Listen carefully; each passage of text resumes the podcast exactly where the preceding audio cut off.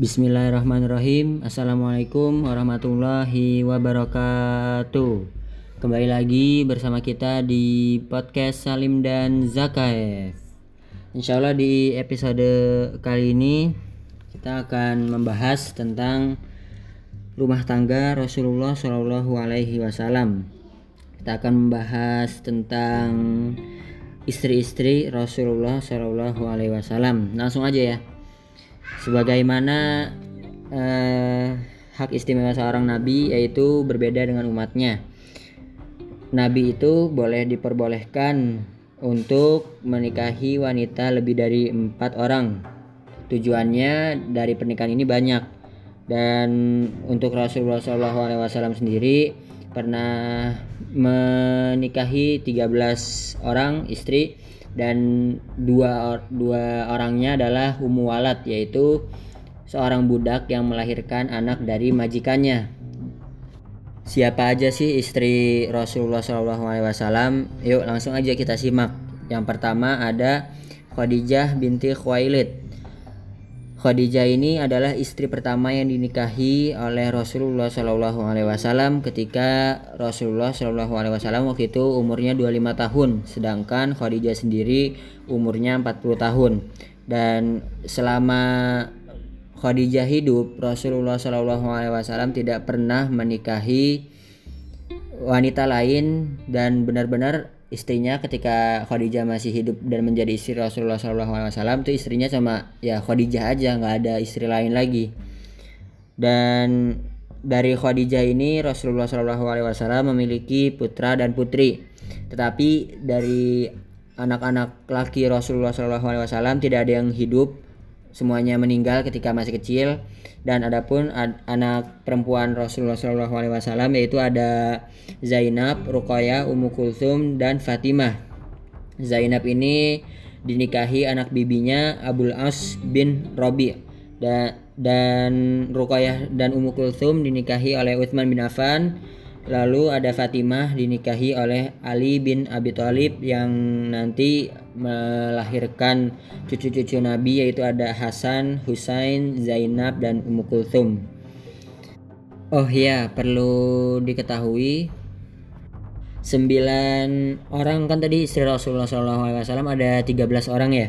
Nah, sembilannya ini meninggal dunia setelah Rasulullah SAW meninggal dan dua orangnya meninggal setelah atau saat maaf meninggal dunia saat Rasulullah SAW masih hidup. Jadi sembilan setelah Rasulullah wafat dan dua ketika Rasulullah SAW masih hidup. Dan Khadijah ini termasuk istri Rasulullah SAW yang meninggal saat Rasulullah masih hidup.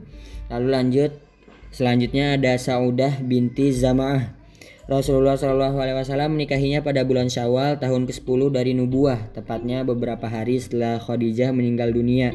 Sebelumnya ini Saudah sudah menikah dengan sepupunya sendiri yang bernama Asakran bin Amr. Lalu selanjutnya ada Aisyah binti Abu Bakar As-Siddiq. Dan Rasulullah Shallallahu Alaihi Wasallam menikahinya pada bulan Syawal tahun ke-11 dari nubuah selang setahun setelah menikahi Saudah atau dua tahun lima bulan sebelum hijrah. Rasulullah menikahi Aisyah ini ketika Aisyah masih umur enam tahun lalu baru tinggal satu rumah dengan Rasulullah Wasallam. Aisyah ini pada umur 9 tahun dan Aisyah ini adalah salah satu-satunya gadis yang dinikahi oleh Rasulullah Wasallam dan Aisyah ini termasuk wanita yang banyak ilmunya pada saat itu di tengah-tengah umat dan Aisyah sendiri adalah salah satu orang yang sangat dicintai oleh Rasulullah Shallallahu Alaihi Wasallam. Lalu selanjutnya ada Hafsah binti Umar bin Khattab. Hafsah ini adalah anaknya Umar bin Khattab dan Hafsah sebelumnya sudah pernah menikah dengan Hunais bin Huzafah As-Sahmi dan istri uh, suaminya Hafsah ini meninggal antara perang Badar dan Uhud. Pada saat itu suaminya meninggal lalu dinikahi oleh Rasulullah SAW pada tahun 3 Hijriah. Lalu selanjutnya ada Zainab binti Khuzaimah yang dijuluki Ummul Masakin atau ibunda orang-orang miskin karena kasih sayang dan kemurahan hatinya terhadap orang-orang miskin. Zainab binti Khuzaimah ini berasal dari Bani Hilal bin Amr bin Sa'sa'ah Dan sebelumnya Zainab sudah pernah menikah dengan Abdullah bin Jahsy. Lalu Abdullah bin Jahsy ini syahid pada perang Uhud. Lalu akhirnya dinikahi oleh Rasulullah SAW pada tahun 4 Hijriah. Tetapi Zainab binti Khuzaimah meninggal dunia dua atau tiga bulan setelah pernikahan bersama Rasulullah SAW berlangsung. Lalu selanjutnya ada Ummu Salamah Hindun binti Abu Umayyah. Uh, Ummu Salamah Hindun binti Abu Umayyah ini adalah sebelumnya ya, sebelumnya istrinya Abu Salamah. Abu Salamah ini meninggal pada bulan Jumadah Tsaniyah tahun 4 Hijriah lalu dinikahi oleh Rasulullah SAW pada bulan Syawal pada tahun yang sama. Lalu selanjutnya ada Zainab binti Jahsy bin Royab.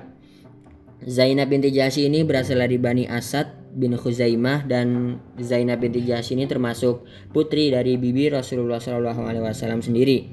Sebelumnya Zainab binti Jahsy ini adalah istri Zaid bin Harithah.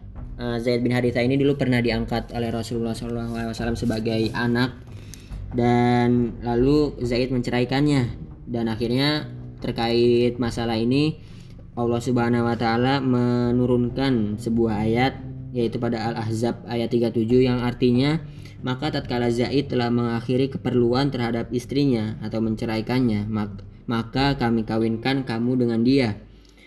Rasulullah Shallallahu Alaihi Wasallam menikahi Zainab binti Jahsy ini pada bulan Syakban tahun 6 Hijriah. Lalu selanjutnya ada Juwairiyah binti Al Harith. Uh, Juwairiyah ini adalah anak dari pemimpin Bani Mustalik dari Khuza'ah. Tadinya ini Juwairiyah ini adalah tawanan dari Bani Mustalik yang kemudian menjadi bagian Tabit bin Qais bin Syammas Lalu akhirnya Rasulullah Shallallahu Alaihi Wasallam menebus dirinya dan menikahinya pada bulan Sya'ban 6 Hijriah. Lalu selanjutnya ada Ummu Habibah Ramlah binti Abu Sufyan. Uh, Ummu Habibah ini adalah anaknya Abu Sufyan dan Ummu Habibah ini adalah sebelumnya ya sebelumnya istri Abu istri Ubaidillah bin Jahsy. Nah, ketika itu Ummu Habibah bersama suaminya hijrah ke Habasyah. Uh, tetapi di sana itu Ubaidillah bin Jahsy ini murtad dan masuk agama Nasrani dan juga meninggal di sana. Tetapi Ummu Habibah Romlah binti Abu Sufyan ini tetap teguh pada keislamannya dan akhirnya Rasulullah SAW mengutus Amr bin Umayyah ad-Domiri untuk menyerahkan surat Rasulullah SAW kepada Raja Najasyi pada bulan Muharram 7 Hijriah dan di sini beliau juga menyampaikan lamaran kepada Ummu Habibah Ramlah binti Abu Sufyan. Lalu yang selanjutnya ada Sofiyah binti Huyai bin Akhtab. Sofiyah ini termasuk apa dari kalangan Bani Israel yang sebelumnya Sofiyah ini adalah salah seorang dari tawanan Khaybar. Lalu Rasulullah SAW memilihnya untuk diri beliau sendiri, membebaskannya dan menikahinya setelah penaklukan Khaybar pada tahun 7 Hijriah. Lalu yang selanjutnya ada Maimunah binti Al Harith. Maimunah ini adalah saudari Ummul Fadl Lubabah binti Al Harith namanya. Rasulullah menikahinya pada bulan Zulqa'dah 7 Hijriah saat umroh qadha setelah habis masa iddahnya. Dan ini adalah istri ke-11 Rasulullah SAW.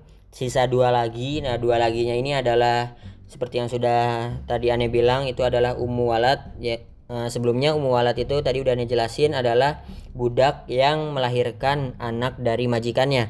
Lalu siapa aja Ummu Walad ini? Yang pertama ada Maria Al-Qibtiyah. Maria ini adalah seorang wanita yang diterima oleh Rasulullah SAW sebagai hadiah dari Raja Mukaukis Eh, Raja Mukaukis ini adalah pemimpin Mesir sebagai bentuk jawaban dari ajakan Rasulullah SAW untuk memeluk agama Islam. Jadi ceritanya waktu itu Rasulullah SAW mengirimkan surat kepada Mukaukis ini dan Mukaukis menjawab dengan dibawanya hadiah yaitu Maria Alkiptiah kepada Rasulullah SAW dan Maria juga seorang budak yang akhirnya diangkat menjadi umul mukminin dari perkawinannya. Rasulullah SAW mendapatkan seorang putra bernama Ibrahim. Dan sama seperti putra-putra Rasulullah SAW yang lain, Ibrahim ini juga meninggal ketika masih kecil. Nah, yang terakhir ini ada Raihanah binti Zaid al-Quraziyah dan Raihanah ini merupakan budak dari Bani Quraizoh. Banyak orang beranggapan bahwa Rasulullah Wasallam menikahi Raihanah ini usai membebaskannya dari tawanan. Nah itu penjelasan tentang istri-istri Rasulullah Wasallam. Semoga dapat kita ambil hikmahnya. Episode kali ini hanya sampai segini dulu kurang lebihnya mohon maaf. Jangan lupa di share ke teman-teman kalian. Wassalamualaikum warahmatullahi wabarakatuh